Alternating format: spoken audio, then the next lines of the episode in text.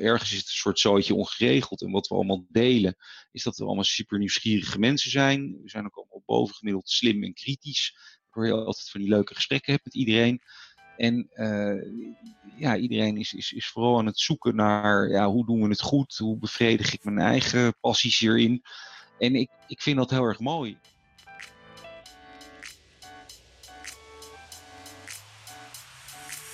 Welkom in het Café aflevering 8.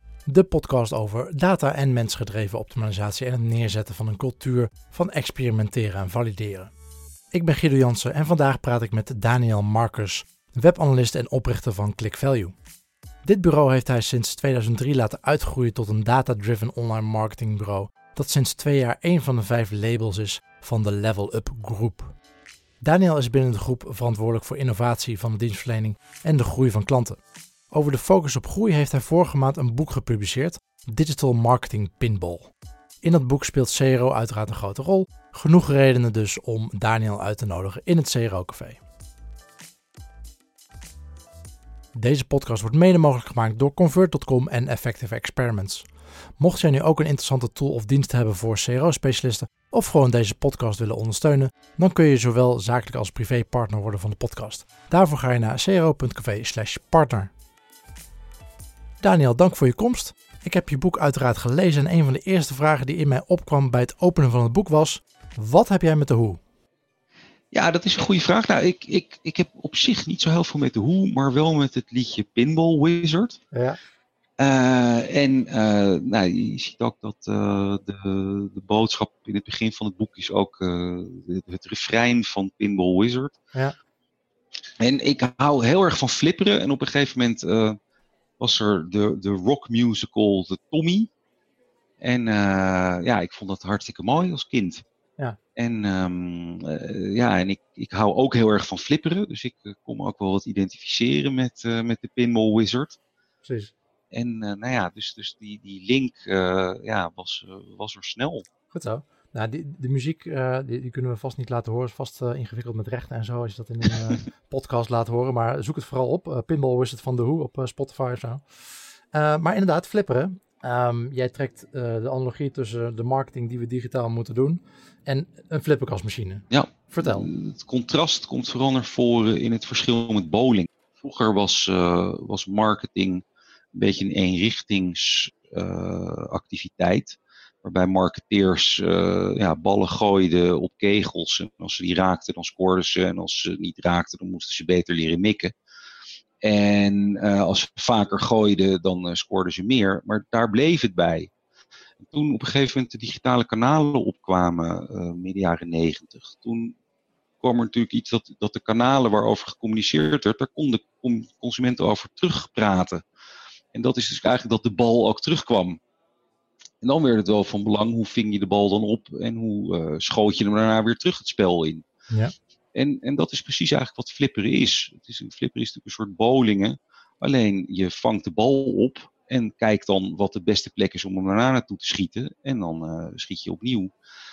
En, uh, en, en de analogie is dus ook heel erg van het, het, flipperen zelf, het bewegen van de flippers, het opvangen van de bal, het, het uh, zorgen dat de bal op de juiste flipper ligt. Dat is eigenlijk de, de analogie van het analyseren. Ja. En dan wat er in het spel daarna gebeurt, dat is de marketing zelf.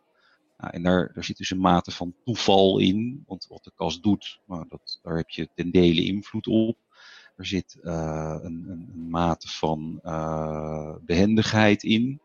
Dat je de bal precies daar weet te krijgen waar je het wil, omdat het daar net het beste scoort. En er zit in dat, dat je allemaal multipliers hebt in flipperen. Dus als jij allemaal bonus multipliers op weet te krikken door goed te schieten, of allemaal uh, bumper multipliers weet op te krikken, ja, dan, dan ga je heel snel heel veel meer scoren. Ja, je hebt daar een mooi model van gemaakt. Um, dat is gebaseerd uh, op de Pirate Funnel van, van Dave McClure. Ja. Uh, voor de mensen die het niet kennen, het heet de Pirate Funnel omdat de, de, nou, het bestaat uit vijf onderdelen. En de eerste letters van die onderdelen zijn A, A, R, R, R, oftewel R. En daarvoor uh, de Pirate Funnel. Um, Dave McClure gebruikte daar de termen of de onderdelen acquisition, activation, retention, referral en revenue voor. Ja. Um, en de vijf onderdelen die jij daarvan hebt gemaakt zijn conversie, retentie, ordewaarde, viraliteit en acquisitie. Ja. Er zijn natuurlijk legio modellen. waarom heb je voor dit model gekozen?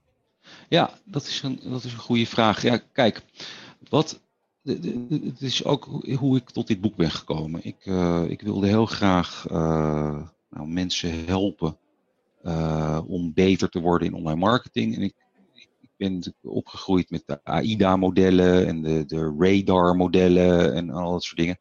En daar kon ik het niet zo goed in kwijt. Wat, wat we inmiddels allemaal doen.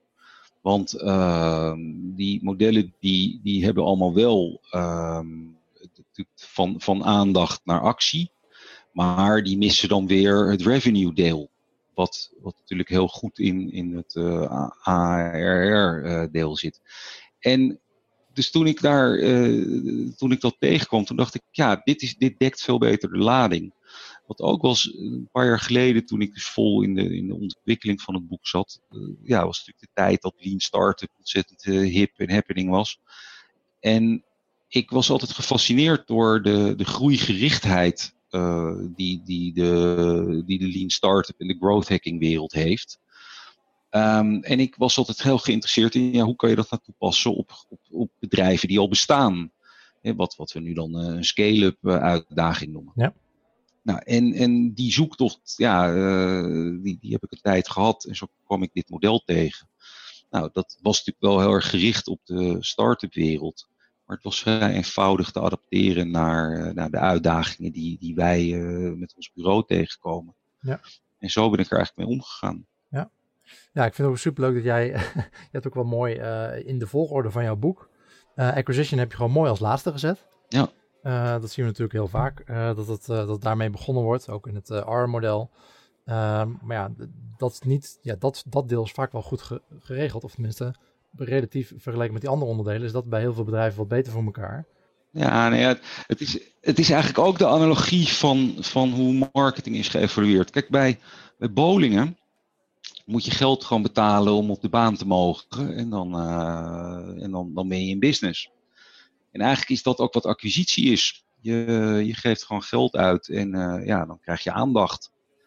Maar of er daarna wat gebeurt en of het rendement oplevert, dat hangt eigenlijk af van al die andere drivers. Want het is uiteindelijk uh, rekenen we dingen af op CPO of op ROI. En, en wat dus de return is, dat wordt voor een groot deel bepaald door uh, conversie, maal retentie, maal transactiewaarde, maal viraliteit. En, uh, en als je dus de acquisitiekosten deelt door die vier, nou, dan is dat een stuk lager dan wanneer je dat op een andere manier doet. Dus uh, en, en bij flipperen kan je dus in hetzelfde marketing-interactie gebeuren, kan je dus met de andere drivers ook werken. En dat is nou ja, wat, ik, wat ik hiermee wilde bereiken. En, en acquisitie heb ik achteraan gezet, omdat ik zeg van ja, je, je kan als je de andere drivers op orde hebt, wordt het rendement op je acquisitie oneindig veel groter. Als, jou, als, als jij een conversie hebt van 1% dan, en, en een kost per klik is een euro, ja, dan is het 100 euro uh, CPO. Als je je conversie naar 2% weet te krijgen, dan gaat je CPO naar 50 euro. Dus dan krijg je dubbel zoveel bereik voor hetzelfde budget. Ja, en, wat we nu meteen merken, jij bent geen uh, marketeer die dit boek heeft geschreven. Jij, bent, je hebt een achtergrond uh, als, als analist. Ja. En dat vond ik ook super fijn bij het lezen van dit boek. Er staan heel veel tabellen in, heel veel formules. Uh, heel veel praktische uh, voorbeelden waar, waar je dat meteen kan, kan gaan, zelf gaan proberen met Google Analytics en, en Excel. Ja. Um, heerlijk praktisch, geen, geen hoog over van, uh, nou, dit zou je strategie moeten zijn, maar je kan het gewoon direct toepassen. Dat viel me heel erg op. Dus dat is super fijn. Um, een van die formules die, daar, die daarin staat, of waar je een beetje nadruk op legt, is dat je inderdaad niet alleen moet kijken naar, um, niet alleen moet kijken naar die groei, uh, van oké, wat, wat kan ik ermee bereiken? Maar dat je ook goed moet kijken van oké, maar wat kost het nu eigenlijk? Ja. Uh, om die beheerkosten ook uh, um, nou ja, daarin op te nemen. Ja. Um, hoe, hoe, kom je achter die beheerskosten? Want dan gaat het om, kan het om heel veel dingen gaan, maar voornamelijk de, de tijd die je ermee bezig bent.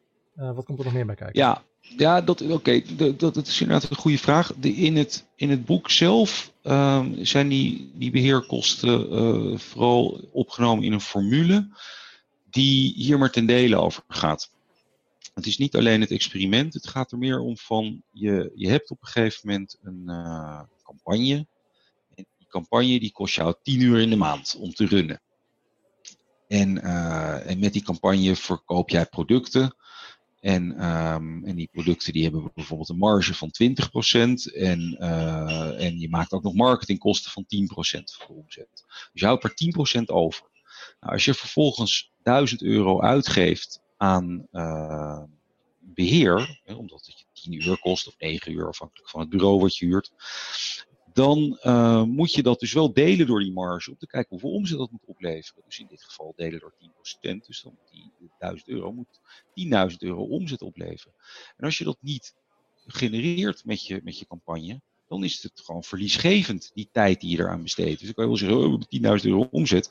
Maar als je vervolgens de marge op die 10.000 euro, namelijk 10%, uh, die 1000 dan af, uh, die, die verdien je echt. Als je daar dan die beheerkosten van aftrekt, dan heb je niks verdiend. Ja, dan kan je afvragen, is dat nou zo zinvol? Nou, en uh, daar is die formule eigenlijk voor. En hoe doen jullie dat? Want als, als agency zijde is dat uh, misschien wat makkelijker, want uh, oké, okay, ik huur een agency in die kost zoveel uh, per uur. Mm -hmm. dan, dan is het redelijk straightforward.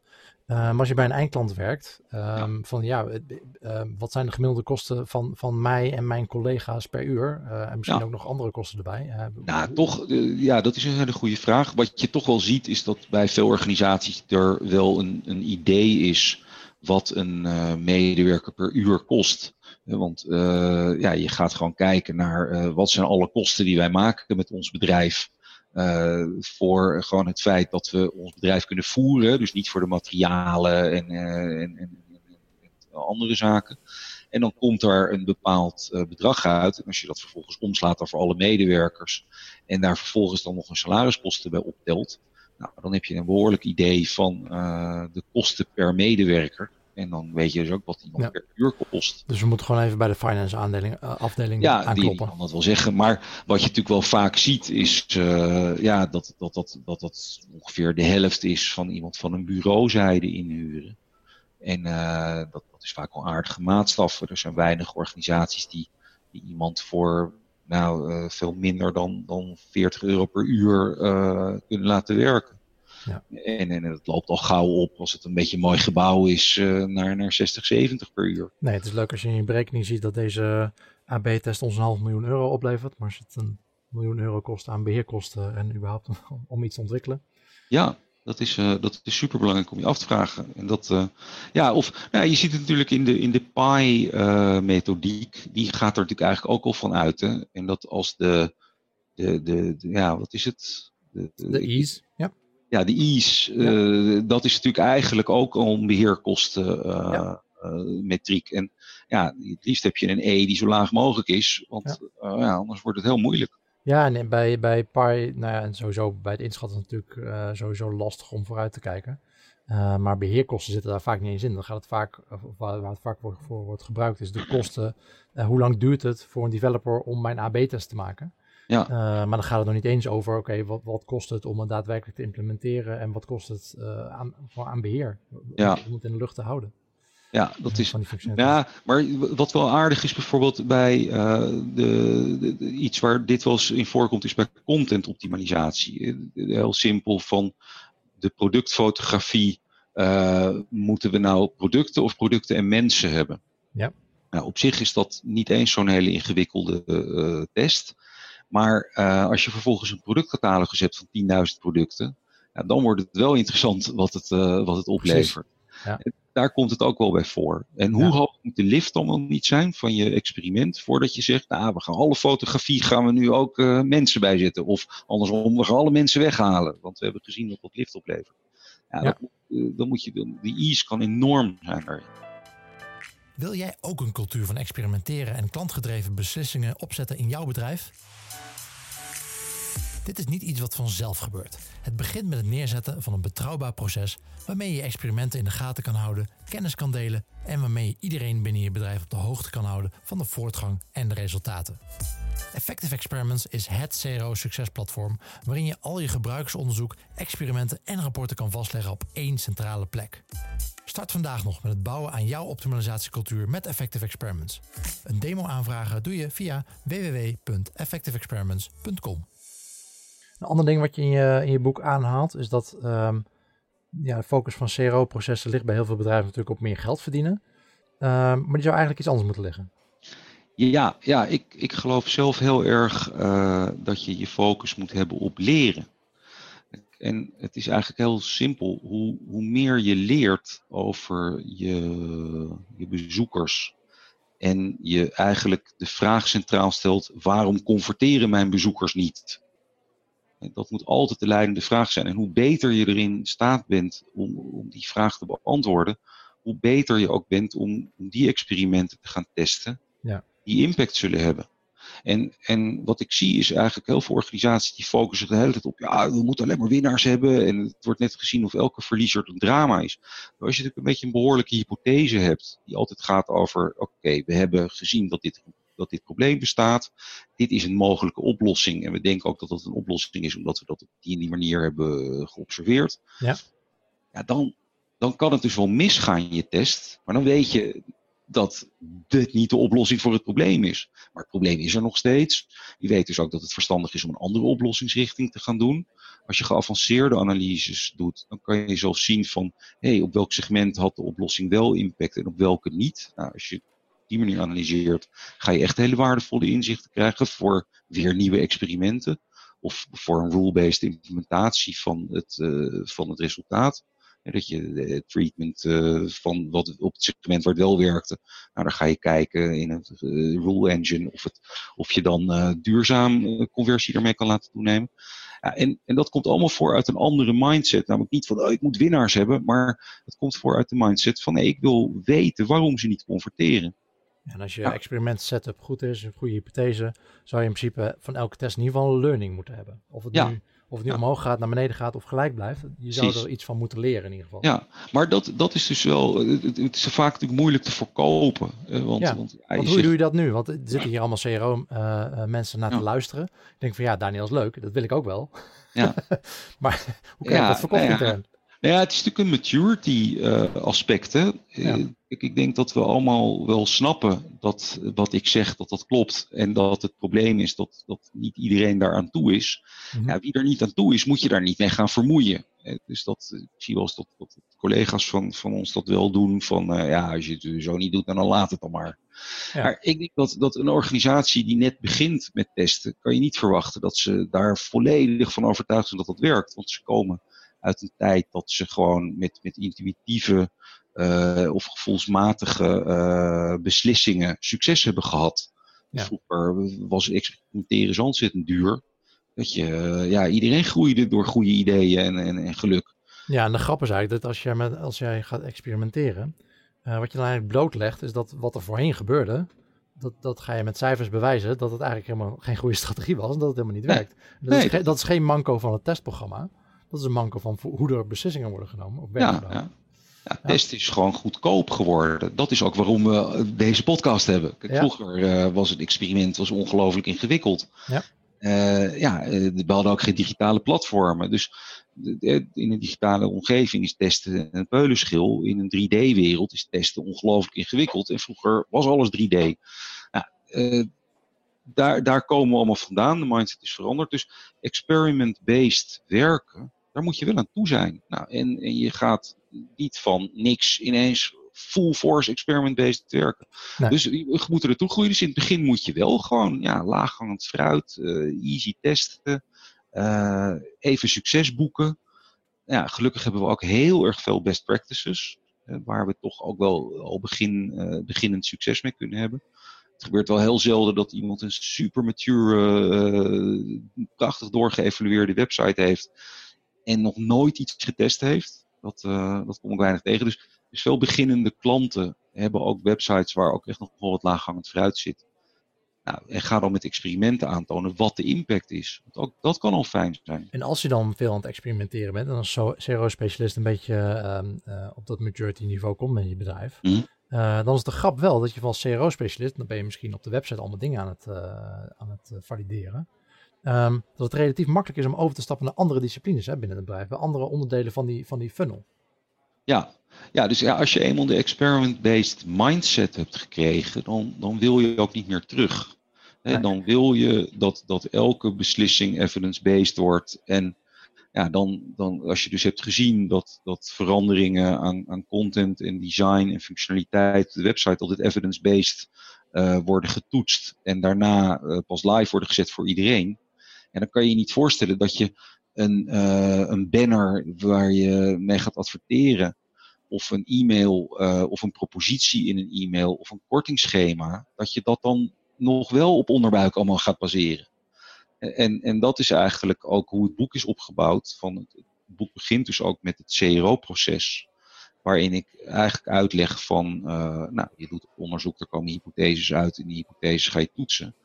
Ja, en dat doe je dan op, op het, wat we allemaal kennen als CRO-domein. Uh, dus dat is eigenlijk allemaal functionaliteit en content op de website. Maar uh, dat kan net zo goed voor retentie, uh, pricing, ja, viraliteit en acquisitie. Nou ja, en zelfs ook met offline dingen. Ik zat vorig jaar bij een bedrijf. Nou, hadden we succes met het online deel. Maar toen kwam ik ook met, met wat mensen in contact die, die offline experimenten aan het doen waren. Ja. Het ging daar specifiek om um, een experiment dat ze aan het runnen waren met, uh, voor video-interviews. Voor mensen die naar een baan zochten, om dat uh, uh, te implementeren. Dat had wel een digitale component, maar dat had niet, zoveel, niet zozeer met, met de website te maken. Ja. en dat was ook een experiment gerund. En dan kwam ik dan, mocht ik meedraaien. En nou bleek dat ze al gestart waren met een experiment. Hadden ze um, voor drie weken al een experiment gerund met, met hun video. En gingen ze kijken of dat een succes was. Of het, of het meer mm. plaatsingen opleverde van de sollicitant. Um, nou, om maar een voorbeeld te geven, ze hadden de, de, het experiment hadden ze drie weken gedraaid. En nou, er, kwam, er gebeurde niks, zeg maar. Er werden niet meer mensen geplaatst. Ja. Dus ik zeg van ja, maar hoe, hoe lang zeg maar de business cycle? Hoe lang duurt het normaal gesproken voordat iemand in jullie database of met ons in contact komt, uh, totdat iemand daadwerkelijk geplaatst wordt? Die, die reguliere cyclus, hoe lang is die? Ja, twee maanden. Oh ja, ja dat is wel klassiek. Het zijn wel hele leuke dingen om met je ervaring als CRO-specialist om bij dat soort gesprekken aan te haken en, en uh, dat soort gewoon al, algemene business validatie ja. uh, mee te doen. Nou ja, wat grappig aan dit verhaal is natuurlijk ook dat je beschrijft dat de experiment setup, ja, hoe belangrijk dat eigenlijk is. Ja. dat is, uh, en inderdaad, dit is, nou ja, het is fantastisch dat die mensen het initiatief namen om te überhaupt te experimenteren. Ja. Maar ja, uh, de haalbaarheid toetsen is, is natuurlijk wel een, een, belangrijk iets. Ja, en dan gaat het ook om aantallen dat je denkt van ja, um, ja, dat, uh... ja die, sowieso offline halen natuurlijk niet de aantallen die we online halen. Uh, nee. Maar alsnog zijn er nog wel wat uh, dingen waar je rekening mee moet halen. Dat je wel een bepaalde sample size gaat halen. Ja, dat is, nou ja, oké, okay, tenzij de verschillen enorm zijn. Ik, ja, precies. Ik ben altijd wel gefascineerd door, door zeg maar, hoe klein de aantallen soms ook kunnen zijn om toch wel als significantie te halen. Ja. Als het maar een enorm verschil is. Ik, zelf altijd het grapje, hoeveel mensen heb je nodig om experimenteel vast te stellen dat een witte muur wit is? Dat is dat, ja. ja, als je dat ja ik, heb, ik heb op de universiteit ook uh, onderzoek gedaan. Dat was dan met, met oogbewegingen. Mm -hmm. um, en ja, al die, al die universitaire papers, nou, dat, waren, dat was onderzoek met iets van zes proefpersonen. Ja, dat, is, dat ja. is allemaal altijd, altijd zo stabiel. En uh, als er dan verschillen zijn, zijn die zo groot. Dat, dat, was ja. altijd, uh, dat is prima. Ja. Um, hey, um, terug naar je boek. Er staat, wat er op de kaf staat. Uh, hoe je in acht uur een nieuwe online marketing topscore haalt. Moeten ja. we het toch even over hebben, Daniel. Want um, ik loop aan iedereen te verkopen. Ja, ja, CRO is niet even iets wat je er eventjes bij doet. En dat moet je wel een programma opzetten. Dan moet je liefst een persoon opzetten. Of liefst nog een heel team. Um, en jij gaat vertellen dat we dat we in acht uur kunnen doen. Vertel. Ja, wat, wat, heb ik, wat heb ik gemist? Ik ga toch ook wel schuldig aan uh, dat ik ook gewoon maar marketing uh, doe. En en, en, en, en, en een belofte verkoop. Maar het, er is toch wel wat voor te zeggen. Kijk, het gaat niet zozeer om dat je de topscore haalt die dan ook de top is. Het is jouw topscore. En, en ook de topscore van een kast, die kan je ook door, doorlopend verhogen. Dus je kan wel echt met, met de, de, de tips, trucs en technieken in het boek uh, ja, veel beter beslagen ten ijs komen. Om uh, te gaan werken aan het, aan het structureel verhogen van je topscore, of het echt duurzaam verhogen. Dus het, het, het, het, klinkt misschien wat catchy, maar ik heb gewoon ook wel gemerkt dat als je iets niet catchy brengt, dan ja, vinden mensen het gewoon niet leuk. Dus dan laat iedereen het boek liggen. Ja. Maar het, het, zit dus wel in de, in de, in de continue verbetering. Ja. In het boek zelf uh, ja, gaat het ook om processen die je uh, gaat aanleren. En die processen gaan jou helpen om continu te verbeteren. Ja, en die doelgroep voor het boek is best wel breed. Hè? Ik bedoel, data-analysten, marketeers, managers, ja. eigenaren van e-commerce. Voor iedereen uh, ja, vrij toegankelijk geschreven in ieder geval. Ja, dat is. Nou ja, ik, ik heb daar ook wel, wel hele beelden bij. Ik, heb, ik heb heel lang gedaan over het boek en ik ben ook meerdere keren opnieuw begonnen. En op een gegeven moment heb ik echt uh, ja, gewoon uh, nou, een persona-techniek uh, gevolgd. Dus ik had ook echt persona's voor alle vier. En ik, ik heb um, bijvoorbeeld bij die managers had ik echt zoiets. Ja, dat zijn de mensen waar je vaak tegenaan loopt. Die, die verantwoordelijkheid hebben voor processen, die allemaal targets hebben. En daar moet je vaak evangeliseren dat het, dat het anders en beter kan. Dus, dus het boek probeert echt te verleiden aan die mensen van joh, omarm nou een data-driven experiment-based manier om te gaan werken.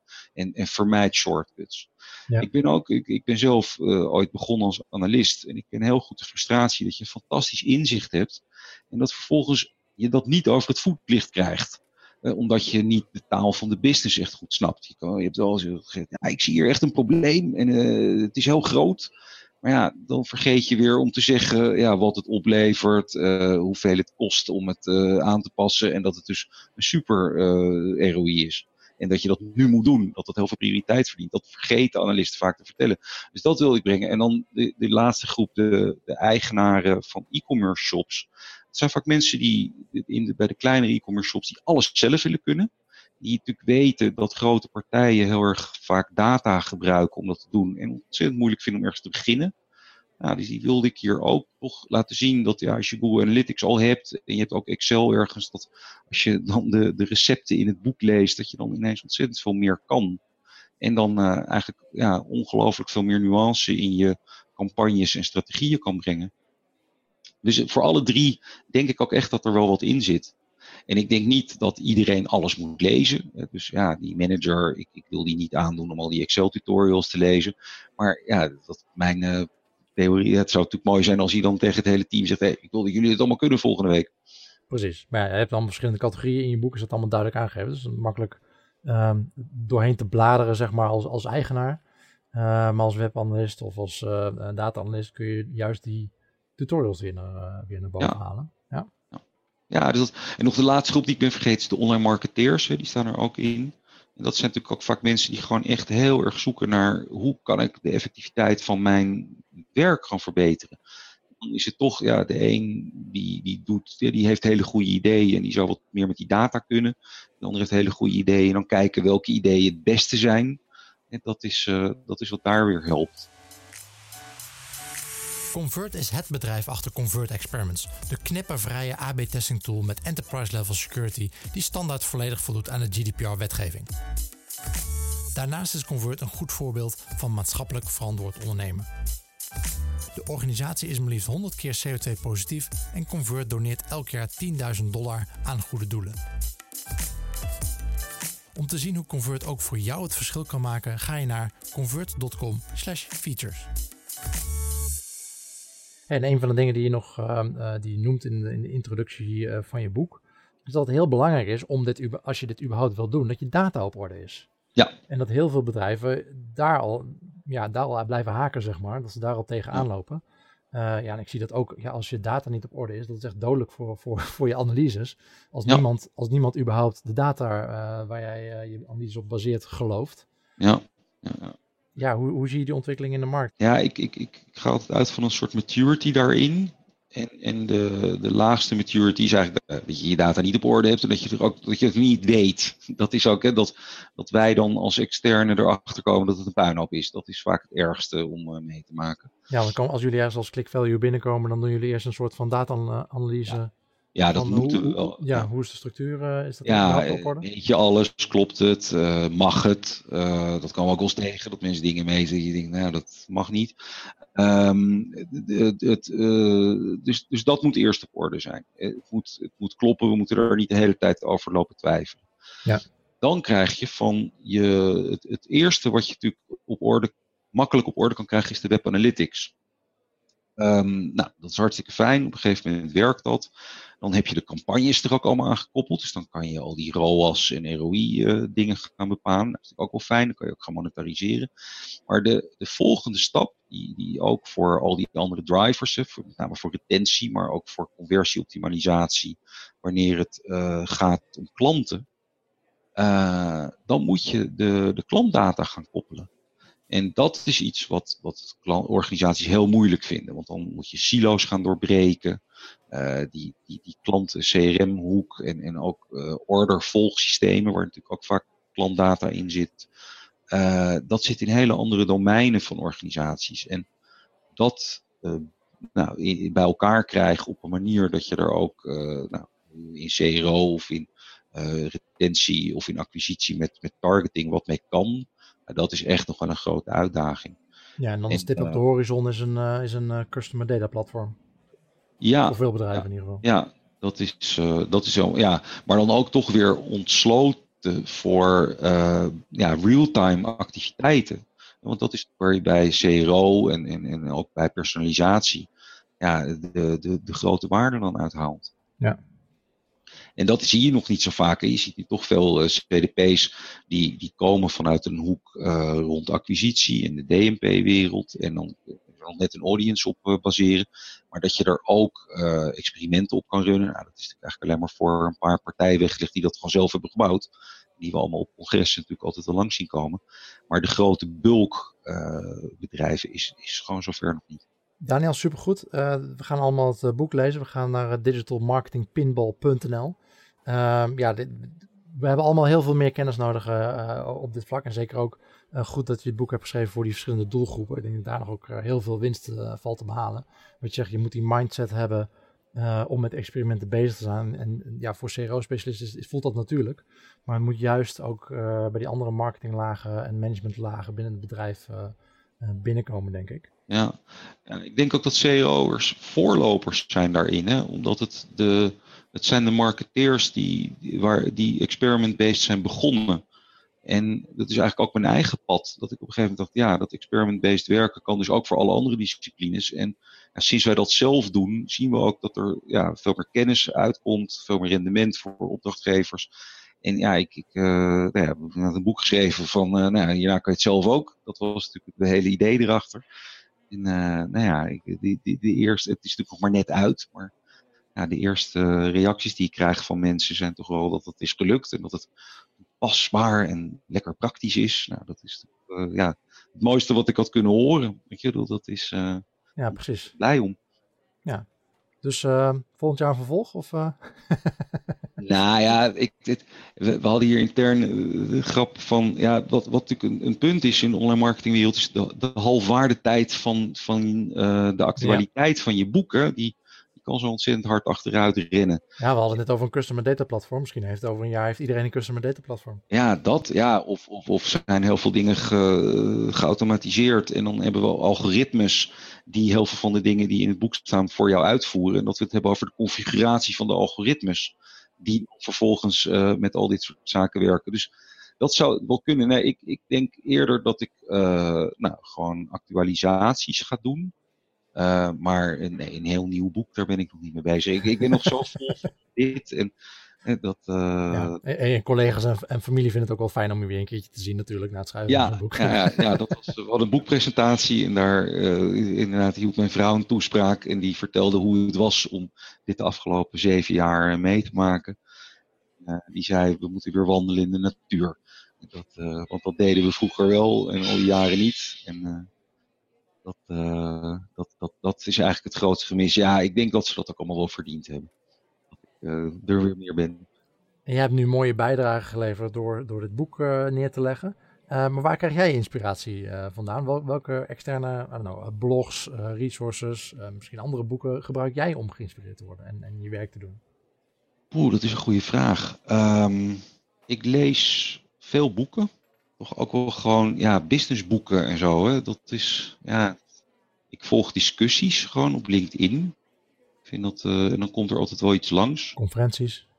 Ja, nee, ik ben ongelooflijke fan van het conversiehotel. Ik, ik heb er geen één gemist ooit. Ik hoop er ook nooit één te missen. En ik, maar wat ik daar vooral heb is, is het, het, het, het is een, een, een geweldig event qua sfeer. En uh, gewoon door kletsen met mensen, dat, uh, dat, dat doet me veel. Ik hou mijn meeste inspiratie gewoon door uh, met klanten bezig te zijn. Dus ik, wat ik doe is, ik heb een idee en dan ga ik naar een klant. En dan zeg ik, joh, ik denk dat dit en dit mogelijk is. Ik heb het in de data bekeken of daar wat mee kan. En dan, dan gaan we dat doen. En ik heb natuurlijk een positie in, in mijn organisatie dat ik, eh, omdat ik de oprichter ben, dat ik toch heel veel vrijheid heb. En uh, dat ik niet altijd zo declarabel hoef te zijn. En daardoor kan ik heel veel experimenteren. En, en daar leer ik heel erg veel van. En, en ik, ja, de dataomgeving maakt snel duidelijk of iets klopt of niet klopt. Of de beheerkosten ooit terugverdiend gaan worden met de lift die je creëert. En dan uh, ja, heb ik iets nieuws. En sommige van die dingen leiden dan tot een nieuwe discipline hier. Of uh, tot, tot een nieuwe aanpak voor klanten. En, uh, en dat, dat inspireert me het meest. En, en dan de interactie met klanten en collega's daarover. En dat is dus ook wat ik zo mooi vind aan zo'n congres. Ja, dat je daar op een informele manier dat soort gesprekken hebt. Dus dat, uh, daar haal ik veel uit. Maar verder is het gek, want ik lees me helemaal suf. maar die vraag had je daarover. Maar ja, nu je het zo vraagt, schieten me niet meteen boeken te binnen. Maar, blijven, ze blijven niet allemaal even goed hangen. Nou ja, het, wat ik inderdaad, ik, ik ben gewoon slecht in namen. Ik ben slecht in boeken onthouden van uh, hoe het ook alweer heette. Maar de concepten uit de boeken, die weet ik altijd uh, bijzonder goed. Als ik een tip mag geven, uh, misschien heb je hem al gelezen, Algorithms to Live By. Ja, die ken ik. Dat is, uh, ja. ja, ja, die gebruiken we uh, bij keuzes maken. Dus er staat hier mooi in dat als je um, moet kiezen uit, uit, uit heel veel restaurants waar je kan gaan eten of huizen waar je kan gaan wonen, dat je er dan twee zoekt de, dan neem je de mooiste. Vervolgens kijk je naar de eerstvolgende, die nog mooier is dan de mooiste van die twee. En daarna moet je stoppen. Ja, ja er zitten sto stopping rules inderdaad. Ook als je iemand gaat inhuren. Um, of uh, of ja. uh, dus als je sollicitanten op bezoek krijgt. Of als je uh, op zoek bent naar een, naar een, vriend of vriendin. Dan kun je het ook gebruiken. Ja. Het idee is volgens mij dat je. Nou ja, dat, dat, het, het, moment dat je moet stoppen is eigenlijk. Je moet een derde van, van de hele. ja, van je hele mogelijke sample Um, uh, nou ja, die moet je uh, interviewen, bijvoorbeeld, als het om een sollicitatie gaat. Dus als je 100 mensen kan interviewen, als dat er eentje is, nou ja, 100 interviews, dat, dat duurt natuurlijk lang. Dus hoe, ja. hoe, hoe, vergroot je je kans zonder 100 interviews te doen, um, om toch op een uh, goede keuze uh, uit te komen? Dus dan moet je 33 mensen interviewen.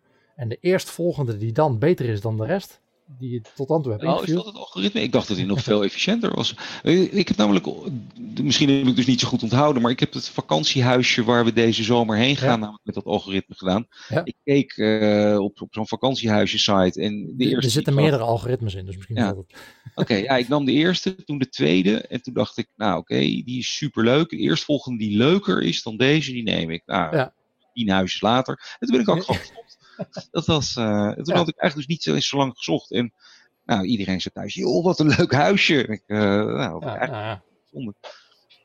Hey, is dat, uh, ja, bij sollicitanten is het een interessant iets, maar ja, in, in onze branche blijft het toch een punt. Hè? We, iedereen zit te springen om talent. Ja.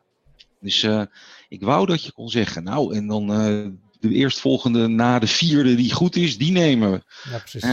Ja, dat, uh, dat, dat is toch nog steeds niet zo. Dus, uh... Ja, er is ook niet echt een opleiding tot CRO-specialist natuurlijk. Hè? Dat zijn nee. allemaal andere disciplines uh, waarin mensen ja. enthousiast worden over CRO en die dan dit gaan doen. Maar is dat ook nodig? Weet je, ik, of ja, ja, uiteindelijk misschien wel.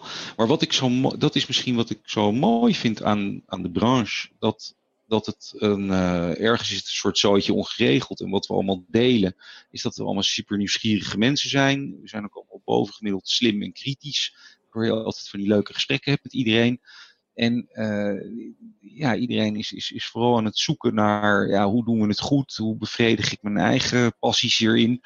En ik, ik vind dat heel erg mooi. En zodra het natuurlijk in het, in het uh, ja, goedgekeurd wordt door visitatiecommissies op universiteiten en hogescholen, is het toch ook vaak ja, het, allemaal wat platter geslagen. Ja. En, nou, waar we het net ook over hadden natuurlijk. Het is ook een, een way of working, zeg maar. Dat je zegt van ja, dit, dit zijn, dat je experimenten kunt runnen op conversieoptimalisatie op de website, dat is leuk. Maar je kan het ook heel makkelijk in andere disciplines gaan toevoegen. En um, dus het is niet en dat zie ik ook bij, en dat zie je ook in, de, in veel maturity modellen. Uh, nou, je had net over nou, een paar mensen die nu luisteren, die zeggen van nou, ik ben eigenlijk de lone wolf bij mijn bedrijf. Ik, doe, ik probeer het op te zetten. Ik geloof hier heel erg in. En dan, dan noem je je misschien na een tijdje CRO-specialist. Um, uh, we hebben ook bijvoorbeeld ook een, een aflevering al gehad met, met Rick Wij van Tele2. Die heeft het ook als analist opgezet. Mhm. En is nu een CRO-specialist. Ja. Um, en, en is dan een beetje de spin in het web. Maar de volgende stap in het maturity model is vaak juist dat de CRO-specialist verdwijnt. Uh, en dat dit meer embedded is in de rollen die je, die je hebt. Bijvoorbeeld dat, dat de UX-designer die dit ook doet. Uh, dat de analist dit ook doet. Dat de, de front-end developer ook zo denkt, zeg maar. Ja, ja, maar dat is dus de, de, inderdaad een, een evolutie die ook normaal is in organisaties. Hè. Dus dit is, we hebben dit eerder gezien in, in analytics. Want nou, toen dat opkwam, toen was het feit dat er data was en dat het zo goedkoop en toegankelijk was voor iedereen, dat was nieuw.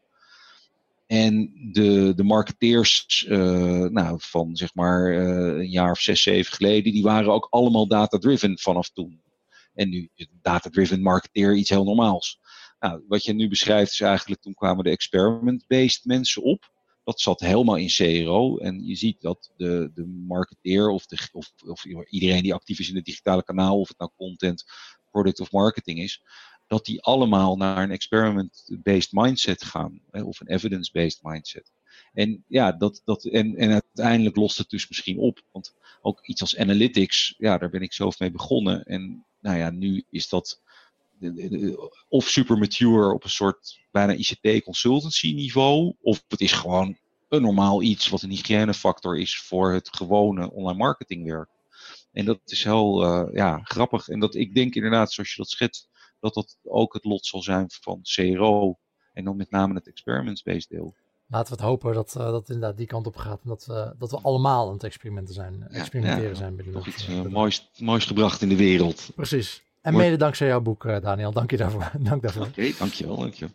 Uh, nu je het boek af hebt, wat, wat, ga je nu doen wat je je niet kon doen? Um, me uh, meer met innovatie in de organisatie bezighouden. Daar had ik toch wat minder tijd voor. Uh, met name in de afrondende fase, die was echt wel intens. En ik heb ja, daar gewoon meer verantwoordelijk, of ik heb meer tijd ervoor en daardoor heb ik ook meer verantwoordelijkheid op me genomen. En daar heb ik ontzettend veel zin in is dat uh, dus ja, nou ja, voor, voor de, de wereld om ons heen is dat uh, interessant. Ja, precies. en dat is opleiding. En ja, dat is misschien nog wel leuk. We gaan meer met opleidingen doen, zowel okay. intern als daarbuiten. Ja. Dus dat is, uh, dat is iets wat hier een rol bij speelt. Maar, ik, ik, vermoed dat je het boek voor de opleiding al klaar hebt liggen. ja, dan, dan krijg je hem gratis. Precies. Dus, ja, dat gaat wel gebeuren. Heel goed.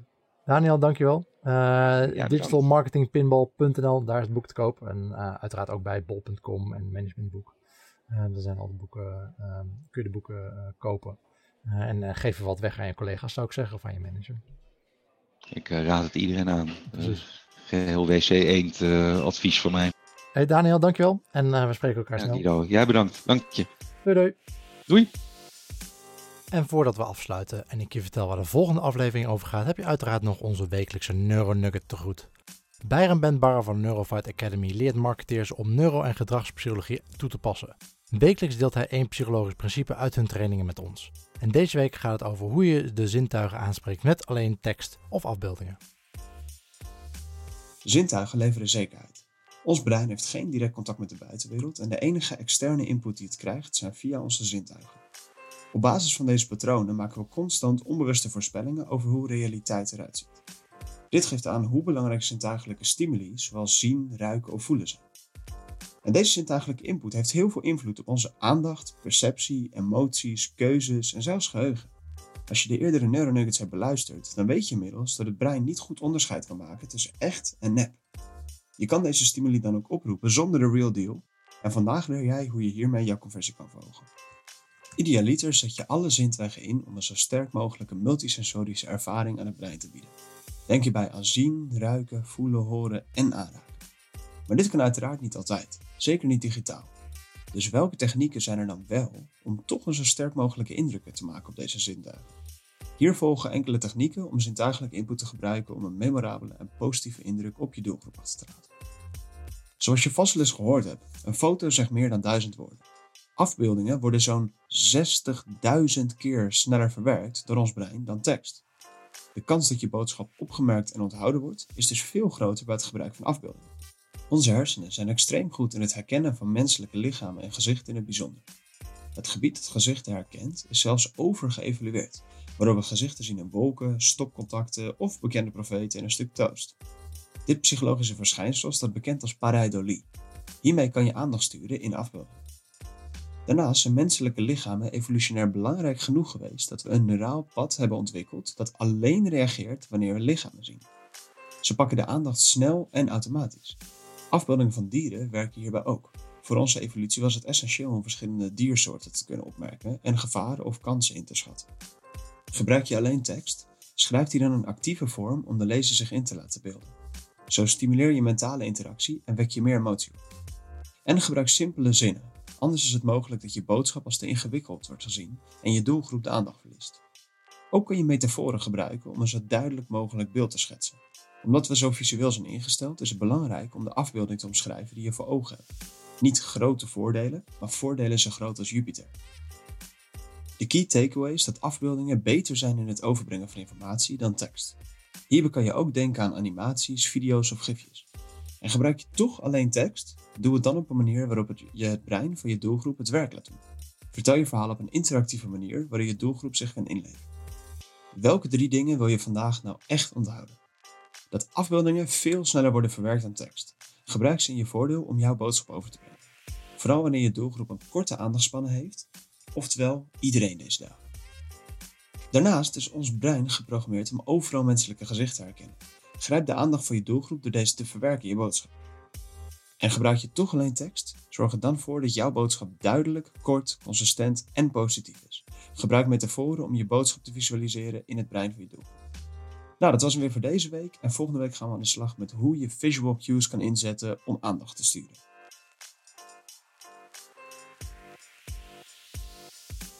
Dat was Byram van Neurofight Academy met de wekelijkse Neuronugget. Is er nou een psychologisch principe waar jij meer over wil weten? Laat het ons weten op cero.café slash Facebook en vraag het aan Byram of mij en wellicht hoor je jouw topic de volgende aflevering terug. Dit was aflevering 8 met Daniel Marcus van Click Value. Links vind je zoals altijd terug in de show notes. En als je feedback hebt, hoor ik dat graag op onze Facebookgroep of via cero.café feedback. Volgende week praat ik met Erik Oosterbaan Martinius van KPN. Hij is daar begonnen als conversiespecialist en heeft inmiddels een team opgebouwd van 6 FTE. Ik praat met hem over hoe hij dat team heeft opgebouwd, hoe het proces eruit ziet bij KPN en wat hun uitdagingen zijn voor de komende jaren. Tot dan!